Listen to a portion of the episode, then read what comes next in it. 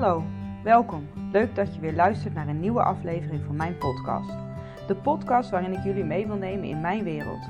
De wereld van afscheid nemen, uitvaarten en alles wat daarbij komt kijken. Ik vertel je over mijn werk als afscheidsfotograaf, maar zal ook andere professionals die in deze branche werken aan het woord laten. Wat drijft hen? Wat is er allemaal mogelijk en wat is er zo mooi aan werken in deze branche? Ik wens jullie veel inspiratie, inzichten en luisterplezier toe.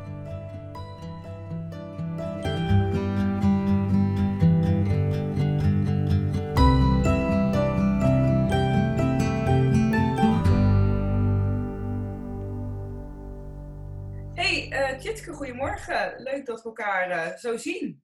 Ja, goedemorgen. Het is inderdaad uh, heel fijn om jou ook een keer te zien. Ja, ja jij mailde mij een tijdje geleden omdat wij een gezamenlijke kennis hadden op social media. En zij attendeerde je op mij. En je had zoiets van, nou, leuk om een keer kennis te maken. En toen hebben we dat eigenlijk omgebogen naar, zullen we dan niet gelijk een podcast opnemen om kennis te maken? Ja, dat klopt helemaal. Ik, ja. En hoe was ik geïntroduceerd aan jou? Wat was, was de gemene deler? Wat was de introductie? Uh, nou, de gemene deler is uh, uh, natuurlijk de dood en het en rouw en verlies. En ja, ik ben op zoek naar mensen in mijn netwerk en in mijn omgeving die daar net als ik heel open in staan en de taboes willen doorbreken. Ja. En toen dacht onze gezamenlijke kennis aan jou dat het dan misschien handig zou zijn als wij een keer kennis zouden maken. Ja, ja tof. Want uh, ik herken al gelijk een paar woorden inderdaad. Uh, open over dood en uh, taboes doorbreken. Dat, daar sta ik zelf ook erg voor. Um, maar goed, degenen die nu luisteren, die hebben eigenlijk nog geen idee buitenom je naam wie je bent en wat je doet. Dus vertel eens wat over jezelf. ja, nou ik ben uh, Tjitske, Tjitske Buitenga. En ik ehm, ben coach en trainer. En dat doe ik op het gebied van rouw en verlies. En heel specifiek heb ik op dit moment uh, twee trajecten waarbij uh, ik stellen met stellen werk. En dan in de relatiesfeer, hoe hou je je relatie uh, goed en sterk. terwijl je ook iets heftigs meemaakt of meegemaakt hebt. Ehm, dus waarbij een van de twee te maken heeft met ziekte of iets dergelijks. Ehm, waarbij de toekomst helemaal ja, open ligt en onzeker is.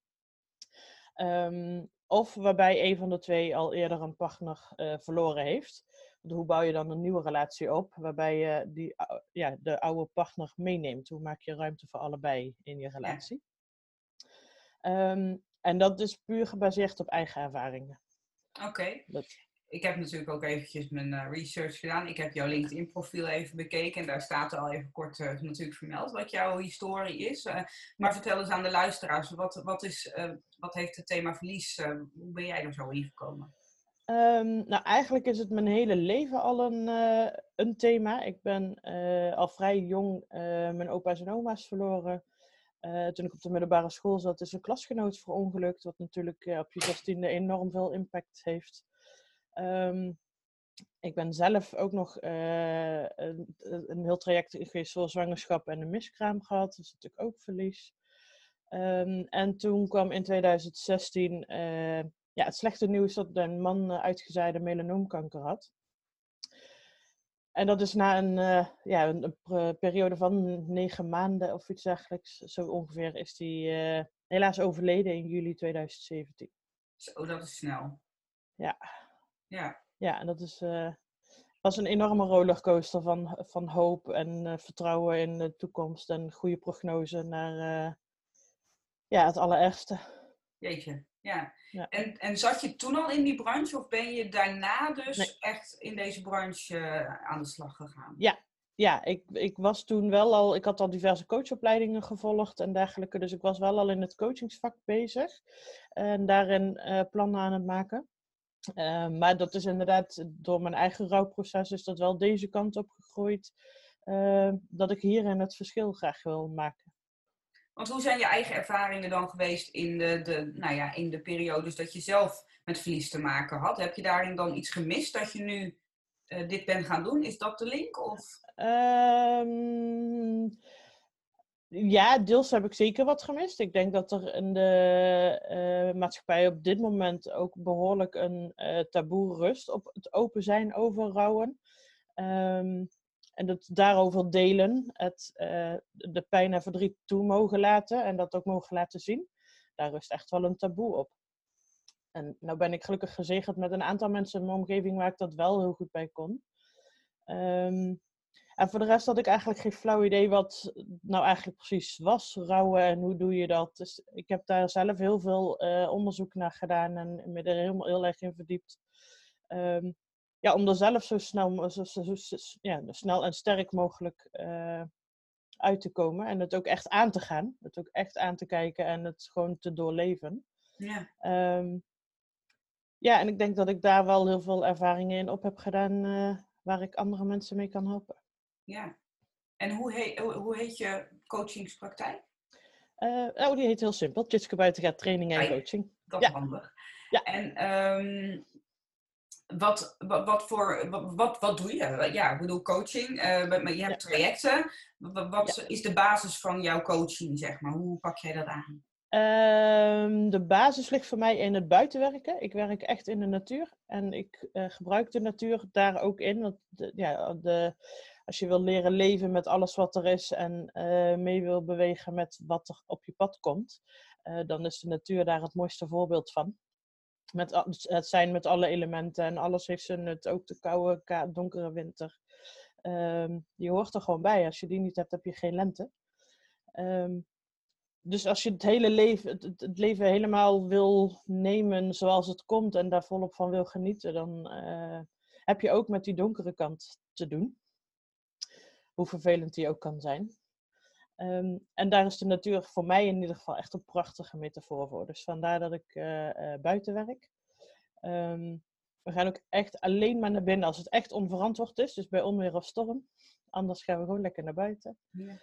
Uh, en het, voor mij is het dan ook nog vooral het, het voelen, niet denken. Dus het, we, we, doen oefeningen, ik neem wat systemische dingen mee in mijn werk. Um, het, het, het, is heel erg de verbinding aangaan met elkaar. Uh, niet altijd met woorden, juist gewoon door te voelen. En zo brengen we een dag door uh, met een aantal stellen. Ik doe het dus in een groep met meerdere stellen tegelijk, die je dan ook herkenning vindt bij elkaar, steun vindt bij elkaar. Uh, ja, je kan ook zoveel halen uit de verhalen van anderen. Ja. Mooi. Lekker voor buiten dus. Ja, ja, heerlijk. Ja, mooie metafoor. Ja. Ik, ik, merk dat zelf nu ook. We zitten nu natuurlijk in de herfst. Ja. En ik merk dat zelf ook. Dan raak je ook in een andere cadans weer, zeg maar. Ja, ja dat klopt. Dus dat is wel herkenbaar wat je zegt van het leven gaat met de seizoenen. En, uh, ja. Ja. Ja, en nu mag je in deze periode mag je weer gaan kijken wat er niet meer past en dat loslaten uh, om weer ja. te kunnen ontkiemen.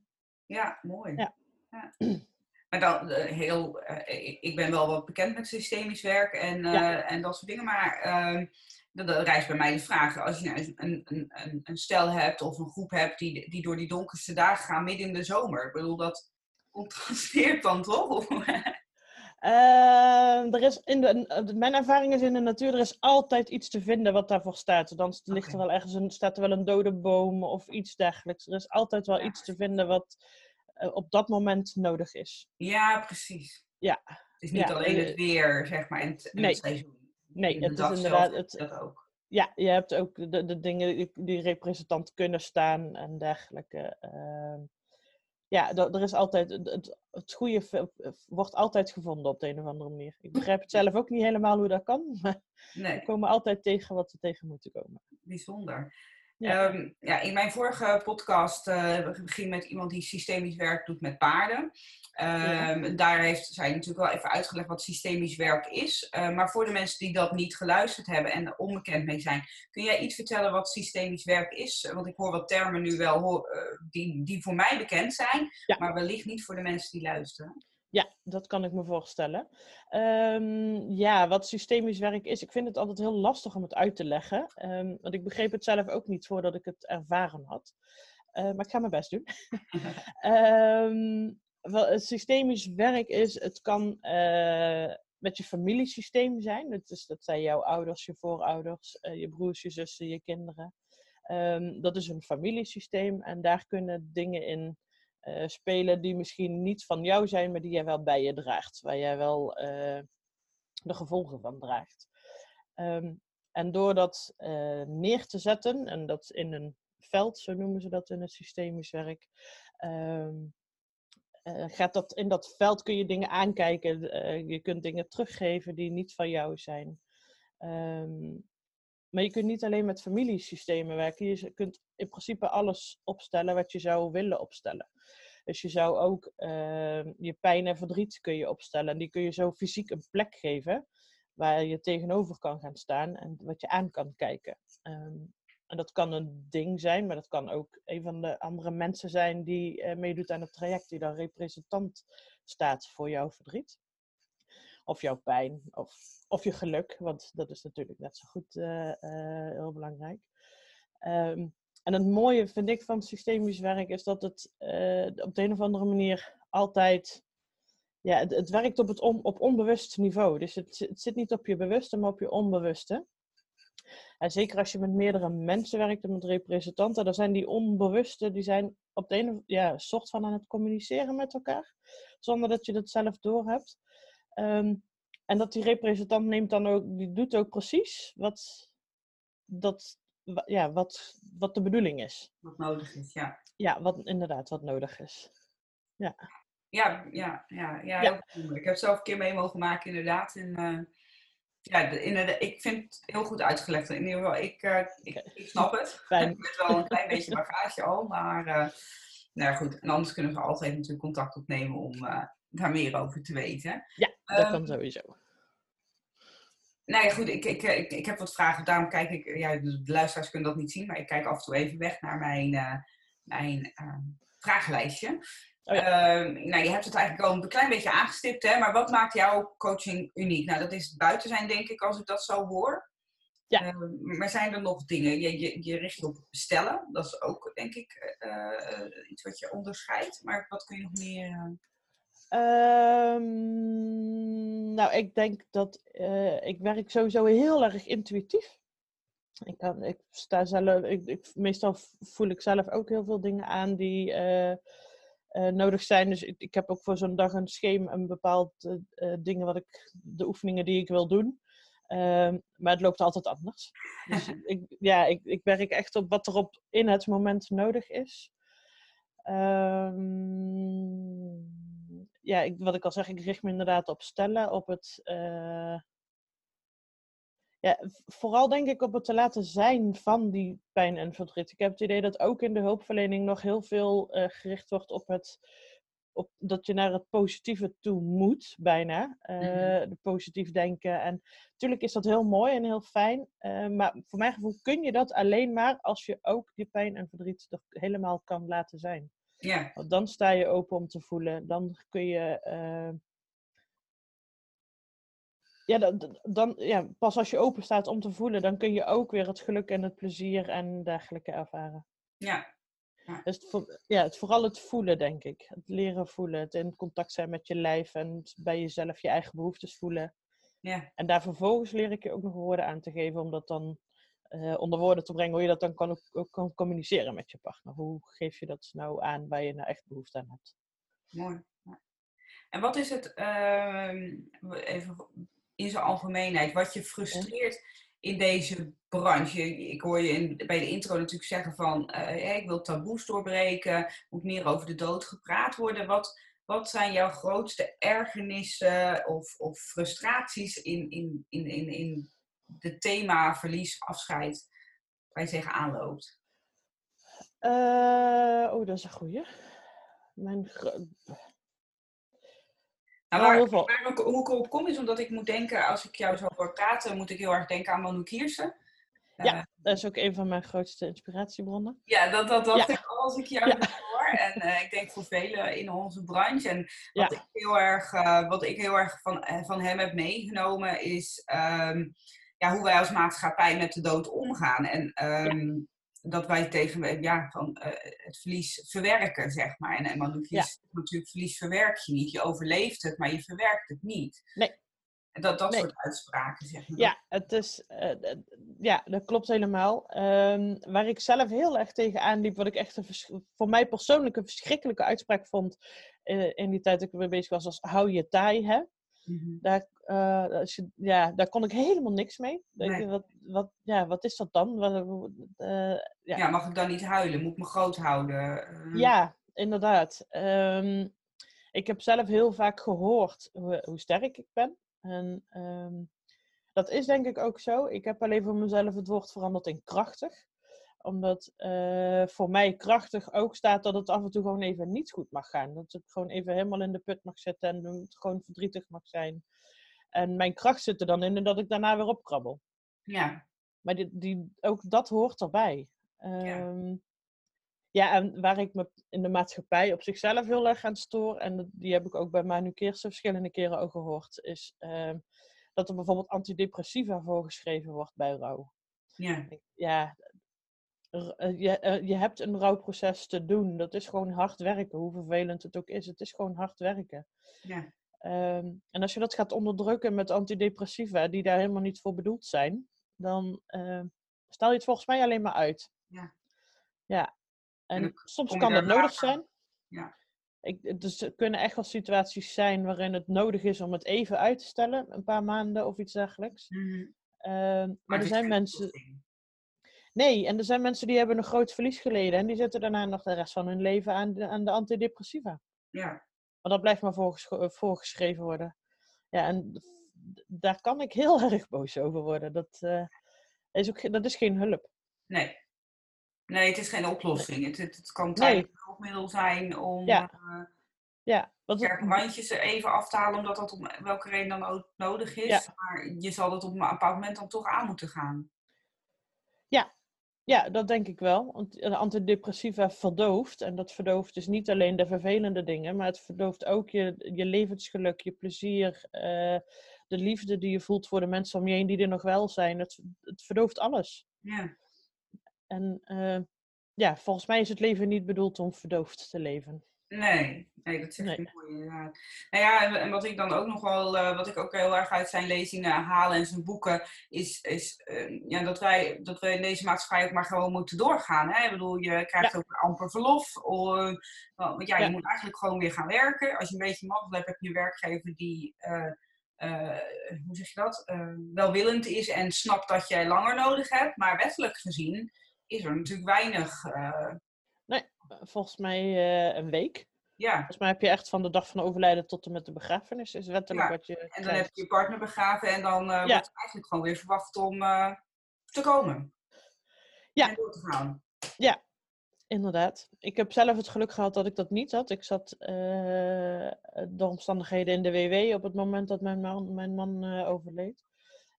dus ik heb zelf het geluk, ja, voor mij voelt het als een geluk dat ik op dat moment gewoon echt alle tijd en ruimte uh, had om te besteden aan mijn eigen rouwproces. Ik ben, ben me ervan bewust dat lang niet iedereen die ruimte krijgt, inderdaad. Nee. Nee, en ik denk dat het daarom heel belangrijk is dat, je er, dat we in de maatschappij er gewoon meer over gaan praten. Zodat je daar ook meer begrip voor kan opbrengen. En wat ik ook heel erg eruit gehaald heb, is Um, dat iedereen's proces anders is. Dat je als je binnen een gezin met verlies te maken heeft, dat de ene misschien wel weer na een week aan het werk is omdat diegene dat nodig heeft. En dat dat tot frustratie bij de ander kan, kan leiden, die dan zegt: Ja, maar hoe kan je nou gaan werken? Ik bedoel, dit, dat, dat, dat iedereen's rouwproces zo verschillend is. Ja, dat klopt. En dat is uh, nou juist ook de combinatie die ik dan met die stellen heb. Uh, want ook daarin is natuurlijk binnen je relatie. Je, hebt, je gaat allebei op je eigen manier met hele heftige dingen om. Ja. Um, en als je daarbij niet goed communiceert en niet duidelijk voelt van wat zijn mijn behoeften en de behoeften van de ander respecteert daarin. Het accepteren dat je allebei anders daarin staat en daarmee omgaat. Um, ja, dan kan, het je ook, dan kan het heel goed je relatie kosten. Ja, dat snap ik. Ja. ja. En hoe komen stellen bij jou dan? Want ik bedoel, um, uh, je moet er ook maar net aan denken dat je daar hulp bij uh, nodig hebt of kan gebruiken. Of... Ja, nou goed, dat, dat is de, de, het uh, ding inderdaad op dit moment ook. Daar ben ik vooral heel erg naar aan het zoeken. Ook naar platforms zoals dit bijvoorbeeld om een verhaal te delen en uh, om daar de bekendheid in te krijgen. Ja. Uh, ik sta nog behoorlijk in de kinderschoenen uh, als ondernemer daarin. Um, dus ja, dat, dat is inderdaad op dit moment een zoektocht. Ik ben nu bezig met een ziekenhuis hier in, in Eindhoven waar ik woon. Ehm, waar mijn man ook onder behandeling is geweest, zijn we aan het kijken of we daar iets kunnen doen aan informatie naar eh, patiënten eh, en hun omgeving. Eh, en verder ben ik vooral bezig met ook bijvoorbeeld lezingen geven hierover, waar dan bijvoorbeeld waar die stellen dan wel naartoe komen. Het gaat dan om omgaan met ziekte. Ja. Ehm, en zo ja, komen ze met mij in aanraking. Ja. Ja, want ik denk dat je het inderdaad ook van de reguliere ja, behandelaars, huisartsen, ja ja, dat die een soort van linkje moeten gaan leggen van niet naar de antidepressiva, maar van er zijn ook andere manieren. Ja, zeker. Daarin opties voorleggen. Ja. Ja, mooi. En wat zijn je dromen qua uh, je bedrijf? Ook qua mijn bedrijf? Oh, uh... Of in de branche, wat zou, je, wat zou voor jou een, uh, ja, wat is je missie misschien? Is dat de vraag? Ja, nou, in, in het algemeen, mijn missie zou zijn dat ik uh, dat pijn en verdriet weer een onderdeel van het leven mogen zijn.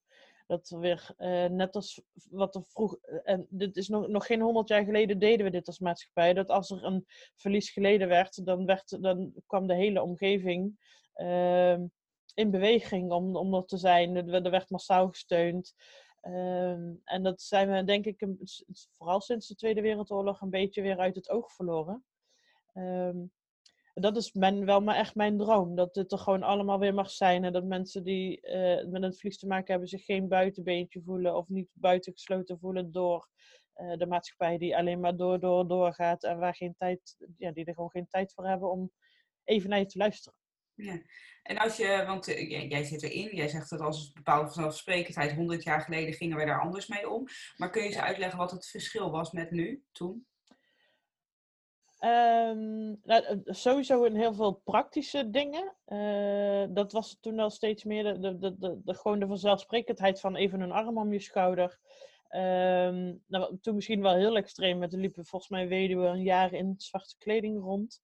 Uh, nou, daar hoeft dat voor mij echt niet, daar hoeven we niet naar terug.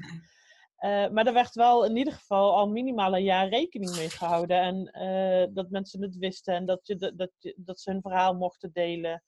Uh, dat er een keer boodschappen gedaan werden. Dat er een keer uitgenodigd, dat ze uitgenodigd werden al ergens om gewoon eens te komen, langs te komen en niet in, een, in de eenzaamheid te vervallen. Ja, dat het gewoon echt een samenleving was. Ja. ja. Ik herken daar de individualisering van de maatschappij wel heel erg in. Ja, en die heeft heel veel mooie kanten, die individualisering. Maar ehm, hoe je het ook bent of verkeerd te zijn als mens gewoon een roedeldier. Ja. En we hebben elkaar nodig. Ja, it takes a village. Ja, inderdaad. Ja, ik herken dat, uh, ik vind dat heel grappig dat je dat zo uh, benoemt. Ik herken dat eigenlijk ook heel erg in een kraamperiode. Ik uh, heb dat zelf heel erg ervaren, dat ik ehm, nou, dat, ik vond zo'n kraamperiode best wel heftig. Ik kreeg zo'n baby en uh, nou, alles gaat ook gewoon vervolgens weer door. Iedereen om me heen leeft ook weer door. En ik denk, mijn wereld staat op dit moment op een andere manier dan bij verlies, maar het staat ook al van stil. Ja, zeker. Ik, dan werd er aan mij gevraagd, uh, s ochtends door de kraamzorg, wat wil je vanavond eten? En dat ik dacht, ja, weet ik veel. Eten. Ik heb echt even geen ruimte om die keuze te maken. En um, ik, ik, dat heeft zoveel indruk bij mij gemaakt dat ik tegenwoordig, en dat, um, ja, dat heb ik bij mijn zus bijvoorbeeld uh, nu al twee keer mogen doen, heb ik gewoon een week lang gekookt voor haar. En dan kwam ik gewoon, oh, ja. ja. ging ik elke dag twee maaltijden brengen voor vandaag en voor morgen. En dat ja. deed ik al drie keer. En uh, zodat ze in ieder geval in die kraamweek die vraag niet hoeft aan te horen. Ja. Wat wil je eten vandaag? En ik herken dat een beetje, dat je dat ook bij, rouw, bij rouwende mensen zou kunnen doen. Van gewoon even met een pan soep Um, daarmee geef je iets praktisch, maar geef je ook um, aandacht en ja, erkenning. Zeker, ja. En, uh, zeker. En inderdaad, ook dan, ook, ik heb heel vaak de vraag gekregen van, als ik iets voor je kan doen, moet je het laten weten. Ja, hè? Maar, ja weet jij veel. Ja, het, en mijn ervaring is echt, en dat wil ik iedereen die ook rouwt op zijn hart drukken, op het moment dat je erom gaat vragen, willen mensen het ook vaak heel graag voor je doen. Ja het is, echt, het is echt vanuit het hart bedoeld, die opmerking. Maar mensen weten vaak niet wat ze voor je kunnen doen. Nee. Dus als je er zelf in zit en je krijgt zo'n vraag, maak er gebruik van. Ja. En vraag, vraag er gewoon om.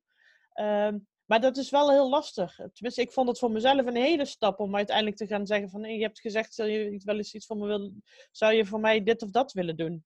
Ja. En waren dat vaak praktische dingen waar je, waar je dan denkt... Ja, eigenlijk heb ik er wel tijd voor, maar ik heb er gewoon de energie en de moed niet voor op dit moment. Ehm, dus die stap om daadwerkelijk om hulp te vragen was voor mij wel heel groot. Ja. Um, terwijl inderdaad op het moment dat je dan wil ondersteunen, bied dan iets concreets aan. Van zal ik even boodschappen voor je doen? Of zal ik even dit? Dat is veel makkelijker uh, om daarop te reageren dan om wanneer je zelf een vraag moet gaan formuleren. Ja, ja dat is eigenlijk een oproep aan twee kampen. Degene ja. rouwende van als men het aanbiedt, grijp het ook aan. En, en uh, ook als je dan misschien niet weet wat je nodig hebt, uh, leg, zeg dat dan. Van ja, ik heb echt wel hulp nodig, maar ik weet even niet zo goed wat. Misschien kun je zelf iets verzinnen. En aan de andere kant, degene die hulp wil geven, wees daarin zo concreet mogelijk. Van kan ik misschien voor je koken? Kan ik, kan ik het huishouden doen? Kan ik eh, de kinderen opvangen? Ehm, ja, inderdaad. Ja, ja, mooi samengevat. Super grappige uh, parallel, want ik heb een lange tijd borstvoedingscursussen gegeven. En ik gaf eigenlijk precies hetzelfde advies aan de zwangere mensen. Als iemand in jouw kraambreek vraagt, kan ik iets voor je doen? Zeg ja. Ja. Gewoon ja, oh, haal even ja. de stofzuiger door het huis. Of wil je dat wasje ophangen. Of ja. kun je even voor mijn boodschappen doen. Weet je, zeg, zeg gewoon ja. Als iemand ja. aanbiedt, dan willen ze dat ook echt. Ja, dat klopt. Dat, daar ben ik ook echt van overtuigd. En dat is mijn ervaring ook echt. Ja. Dat de mensen die het hebben aangeboden en die ik het heb gevraagd, die hebben het ook allemaal gewoon gedaan. Daar was ik zelf wel eens verbaasd over, maar dat, is, zo werkt het wel. Ja, mensen willen Inderdaad. gewoon voor je betekenen. Die kunnen dat verdriet jou niet overnemen, niet wegnemen. Nee, ehm, en als dat kunnen ze ook nooit. Ja. Het zit toch wel in ons, hè, dat je wilt zorgen. En, uh, ja. Want dat hoort ook bij dat roedeldierenverhaal. Ja, zeker. We willen het wel. Ja. We weten alleen niet zo goed meer hoe, denk ik, af en toe. Nee, inderdaad. Ja, eh, mooi. En um, ja, uh, ik, ik ben eens benieuwd. Waar ben je trots op? Uh, ik ben er eigenlijk gewoon heel erg trots op waar ik nu uh, na ruim twee jaar sta. Uh, dat ik het echt vol aangegaan ben. Um, en, dat dan, en nog steeds, hè, nog, het zijn nog steeds echt wel momenten waarop het verlies gewoon weer keihard binnenkomt. Um, maar ik heb inmiddels ook een nieuwe relatie en ik woon weer samen en ik ben weer gelukkig. En uh, waarin ook ruimte is voor uh, Mark, mijn overleden man. Uh, die mag er ook altijd zijn, dus dat is heel fijn. Dus ik ben eigenlijk gewoon heel trots op wat ik bereikt heb de afgelopen ja, ruim twee jaar. Hoe ik zo ver ben gekomen. Ja. Ja. Mooi. Ja. En um, ja, ik moet, ik, moet, ik moet, even denken aan. Uh, mijn zwager is uh, recent getrouwd. Ja. En um, uh, die heeft ook een partner verloren eerder. En ehm, die dag, zijn nieuwe partner, zeg maar, hebben ze ook, heeft hij eigenlijk leren kennen in de ziekteperiode van zijn voormalige, of ja, zijn overleden partner. En dus, dus Loes heet ze, die, die, overleden is, die heeft ook echt die dag een rol gekregen. Dat vond ik ook gewoon zo heel mooi. Ja. Die, die, was onderdeel van de dag. Zij mag er ook gewoon helemaal zijn. En uh, zij, zij, zij maakt deel uit van. En uh, we hebben dat, uh, zover ik weet, zonder hulp op deze manier zelf vormgegeven. Super knap. Ja. Maar ik kan me voorstellen dat dat niet altijd even makkelijk is. Uh, nee, dat denk ik ook niet. Uh, nou is het in mijn geval ook, uh, in, Tom, mijn nieuwe partner, die ken ik ook al jaren. En, ehm, dus die heeft mijn man ook gekend. Voor mij is ja, werkt dat... Mijn zwager ook inderdaad. Dat ja, ja, ja, voor mij werkt dat heel fijn. Ehm, als ik het over Mark heb, dan, ja, ik hoef niks uit te leggen. Hij kent hem. Ja. Um, dus dat is heel prettig. Maar dat is natuurlijk lang niet altijd het geval. En uh, ja, soms, het, het, het, is ook lastig. Ik merk, het, ik merk het zelf ook wel eens. Nog gelukkig een stuk minder. En ik kan daar met Tom altijd over praten. Um, maar zeker in het begin van onze relatie heb ik heel veel last gehad van schuldgevoelens en dergelijke. Um, ja, ik ga verder. Ik word weer gelukkig. En ik, heb het gevoel, ik had het gevoel dat ik Mark achterliet. Terwijl dat... Uh, ja, niet helemaal, dat- is natuurlijk niet zo, maar zo voelde het wel een beetje. Ehm, en er, ja, er komt zoveel bij kijken dan. Ook de- voor mij intern al, eh, wat- ja, als je dan, dan heb je een keer twee liefdes. Ehm, het gevaar ligt, of het, het rare gevaar, want het risico kan zijn dat je gaat vergelijken. Ehm, nou, dat is voor de nieuwe partner meestal niet heel prettig als je, er wat, je kunt nooit, nee, dat- Je kan nooit voldoen aan dat ideaal dan wellicht. Nee, nee. En tegelijkertijd hebben we dan soms ook nog wel eens de neiging om eh, mensen die overleden zijn dan inderdaad in één keer als een ideaal te zien. Terwijl dat ook gewoon mensen waren met ook hun eh, minder leuke kanten, net als wij allemaal hebben. Ja. Eh, En als je dat inderdaad gaat idealiseren, ja, daar kan een, een levend persoon nooit tegenop. Nee. Dus dat is ook heel belangrijk, dat je daar bewust van bent. Dat je dat, ja, tuurlijk had hij heel veel mooie en goede dingen, die, die persoon die overleden is, maar ook, ook niet leuke dingen. Ja. Ehm, ja, en zo, zo gebeurt er zoveel als je eh, daarmee aan, als je ja, met een nieuwe relatie te maken krijgt. Ehm, En die stellen, daar ben ik nou even nieuwsgierig aan. De stellen die je Ja. begeleidt, zijn dat dan vaak stellen die bijvoorbeeld samen een kind verloren hebben? Of, of gaat het er ook, eh, zijn het ook stellen zoals jij dan van het nieuwe partner? Is het heel divers of is het een bepaalde... Ehm, nou, op op- voor nu, op dit moment, en dat is puur eh, tijdstechnisch voor mij, omdat ik ook nog een baan- en loondienst erbij heb. Eh, op dit moment is het, gaat het, zijn het echt het zijn twee trajecten. Eentje is, zijn voor stellen waarbij één van de twee ziek is. Eh, dus die dan binnen de relatie te maken hebben met het verlies van gezondheid en de onzekerheid die daarbij komt kijken. En dat kan, dat kan inderdaad van alles zijn. Dat kunnen ook chronische ziekten zijn. Dat kan natuurlijk ook eh naar, naar aanleiding van een ongeval, revalidatietraject of iets dergelijks zijn. Maar alles wat, waardoor er eh, verlies van gezondheid is ja. eh, bij een van de twee partners. Ehm, en dan inderdaad een traject waarbij een van de twee of allebei, want dat gebeurt ook nog wel eens, al eerder een partner verloren heeft. Oké, Ehm, en hoe je dan weer een nieuwe relatie opbouwt. oh ja. Ja, en dat zijn ook twee aparte trajecten. En hoe ziet zo'n traject eruit? Dat, eh, dat, dan ga je een aantal weken, maanden, trek je met elkaar op? eh, Eh, ja, het traject duurt ongeveer een maand of vier. eh, waarbij we één keer in de drie weken eh, live bij elkaar komen met z'n allen. En eh, dan gaan we dus naar buiten en allerlei oefeningen doen en praten. Ja, gewoon wat er op dat moment nodig is. En in de tussentijd krijg je eh, twee keer in de week een eh, opdrachtje van mij die je thuis kan doen. oh ja. en- Die kun je of alleen doen eh, en een aantal eh, zijn handig om samen te doen. Oh, Oké. Ja, dus het dus blijft, zeg maar, je bent wel vrij intensief. eh, het is niet, we komen bij elkaar en dan drie weken laten we zinken en dan weer. Je blijft, zeg maar, echt vier Ja, maanden. je, je blijft in Ja. beweging en in principe staat iedere bijeenkomst ook in het, in het teken van een thema. We beginnen natuurlijk met wat het verhaal is van iedereen en dat delen. Ehm, en, vervolgens, en we eindigen met hoe bouw je dan samen weer, hoe geef je samen weer de toekomst vorm. Ja. En dan alles wat daar eh, tussenin zit. En kan jij, ehm, anoniem natuurlijk, een, ehm, iets, een voorbeeld waar je, ja, wat het gewoon indruk op je hebt gemaakt? Van, god, dat ik dat heb kunnen betekenen voor mensen. Dat ik dat, dat, ja, dat niet dat jij dan de, eh, alles hebt gedaan, hè, maar dat je denkt van, ja, dat heb ik toch in mogen faciliteren. Dat vind ik zo mooi. Oh, daar vraag je wat. Ehm.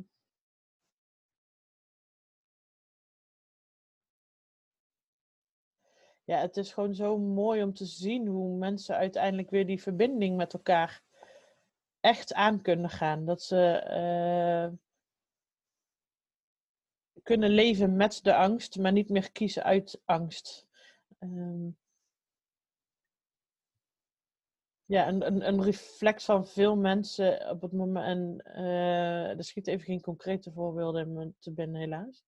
Maar wat, veel, wat ik veel mensen zie doen, is, en dat heb ik zelf ook gedaan, is eh, toen mijn man ziek was, is het tijdje dat ik al een stap terug nam, dat ik al afstand nam. Mhm. Ehm, ja, anticiperende rouw heet dat dan eh, in een mooi wetenschappelijk woord. Ehm, want dan doet het misschien wel minder pijn op het moment dat je de ander zou gaan verliezen.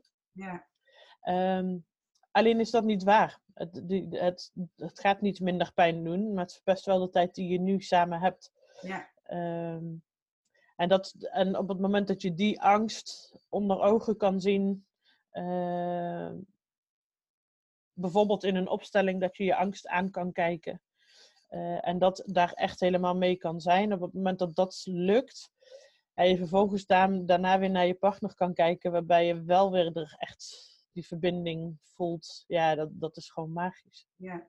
Ja, want ik denk dat, dat, mensen hebben dat zelf wellicht helemaal niet door. Dat ze uh, ja, dat stapje terug doen, hè? dat stapje afstand. Nee, nee vaak niet inderdaad. Ik, ik had daar ook iemand anders voor nodig die dat tegen mij zei dat ik dat aan doen was. Ja, mooi. Ja. Mooi. En um, je zegt, ik heb nu twee soorten trajecten, omdat je ook een baan in loondienst hebt. Als je eens even mag dromen, uh, zijn er dan andere trajecten die je graag uiteindelijk zou willen opstarten als je iets mag uitspreken? Of, iets wat je dan uh, als tijd uh, geen rol zou spelen? dat je er... Ehm, ja, dan zou ik inderdaad nog veel meer, dan, dan, zou ik het nog veel breder pakken op rouwgebied. Dus dan zou ik inderdaad ook de stellen die uh, een kindje verloren hebben, um, uh, of die ongewenst kinderloos zijn, want dat kan natuurlijk, dat is ook een rouwproces. Ja. Um, en hoe je dan, ja, dat, ja, dat, ja, de stellen ligt je hart, dat hoor ik eigenlijk wel een beetje. Ja, de, de, de relaties. De, inderdaad, het, uh, hoe geef je dat dan vorm en hoe, hoe zorg je ervoor dat je bij jezelf blijft en, je, en jezelf je eigen waarde daarin houdt. Um, en die, van daaruit die verbinding met die ander kan maken. Super Dat is inderdaad wel uh, waar mijn passie ligt. Ja, mooi. Ja. En um, ja, goed, ik, ik kom wel een beetje richting het, uh, het einde van uh, mijn vragen, zeg maar. Uh, ja. Ik heb wel nog een laatste slotvraag, maar voordat ik daaraan begin wil ik heel graag van jou weten. Zijn er dingen die ik nu niet heb geraakt die je wel heel graag over je bedrijf of over rouw, over verlies in zijn algemeenheid wilt delen? Um... Ja, wat ik vooral tegen iedereen wil, wil zeggen is uh, de belofte dat als je het aangaat, als je je rouwproces aangaat en aan gaat kijken, um, dat er ook zoveel moois voor terugkomt. Um, want dan sta je weer in contact met je gevoel en dan, is er, dan komt er weer ruimte voor liefde, voor geluk, voor plezier.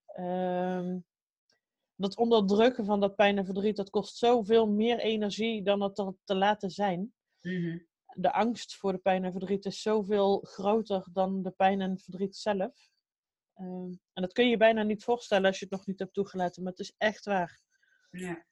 Laat het er zijn. Dan duurt het altijd minder lang dan je denkt. Je hoeft ook niet bang te zijn dat het je overspoelt, want er komt nooit meer dan je aan kan op dat moment. Dat, daar heb, heeft je lichaam een zelfbescherming voor. Um, en dan is er ook weer ruimte voor hoop en liefde en Mooi. plezier. Ja. Ik durf bijna mijn laatste vraag niet te stellen meer, maar die is ook heel mooi. Maar die is wellicht wat algemener. Maar um, ja. wat, welke levensles zou je willen delen met de luisteraars? Oh ja, die heb ik net eigenlijk al gedaan. Hè? Ja, ja, daarom. Daar zeg ik, ja. ja. of je daar nog op kan wil aanvullen. Of ik zeg, nee, dat is hem eigenlijk. Uh, nou, ik kan nog wel, denk ik, nog twee dingen delen die voor mij uh, cruciaal zijn gebleken in mijn rouwproces. En dat zijn hele praktische uh, dingen. Um, wat voor mij het allereerste belangrijkste was, um, is ga niet in gevecht met de realiteit. En hoe je het ook went of keert, het is wat het is. En op het moment dat je dat kan accepteren, dan kan je rouwproces gaan beginnen. Ja. Um, en, het, het, en dat is al een heel proces hoor, om het te gaan accepteren. Maar um, hou dat als eerste voor ogen. Dus ga niet in gevecht met de realiteit. Hm. En uh, de tweede is, en die was voor mij nogal iets belangrijker, denk ik, is It's not my business. Zo noem ik het altijd. Uh, dat het verdriet en, het en de pijn van de ander is niet mijn zaak. Mhm. En dat betekent dus, in, voor mij in dit geval heel concreet ging het even om de ouders van Mark, dat uh, ik niet hun verdriet om het verlies van hun zoon ook nog op mijn schouders heb genomen. Oh, een neiging die ik wel altijd had.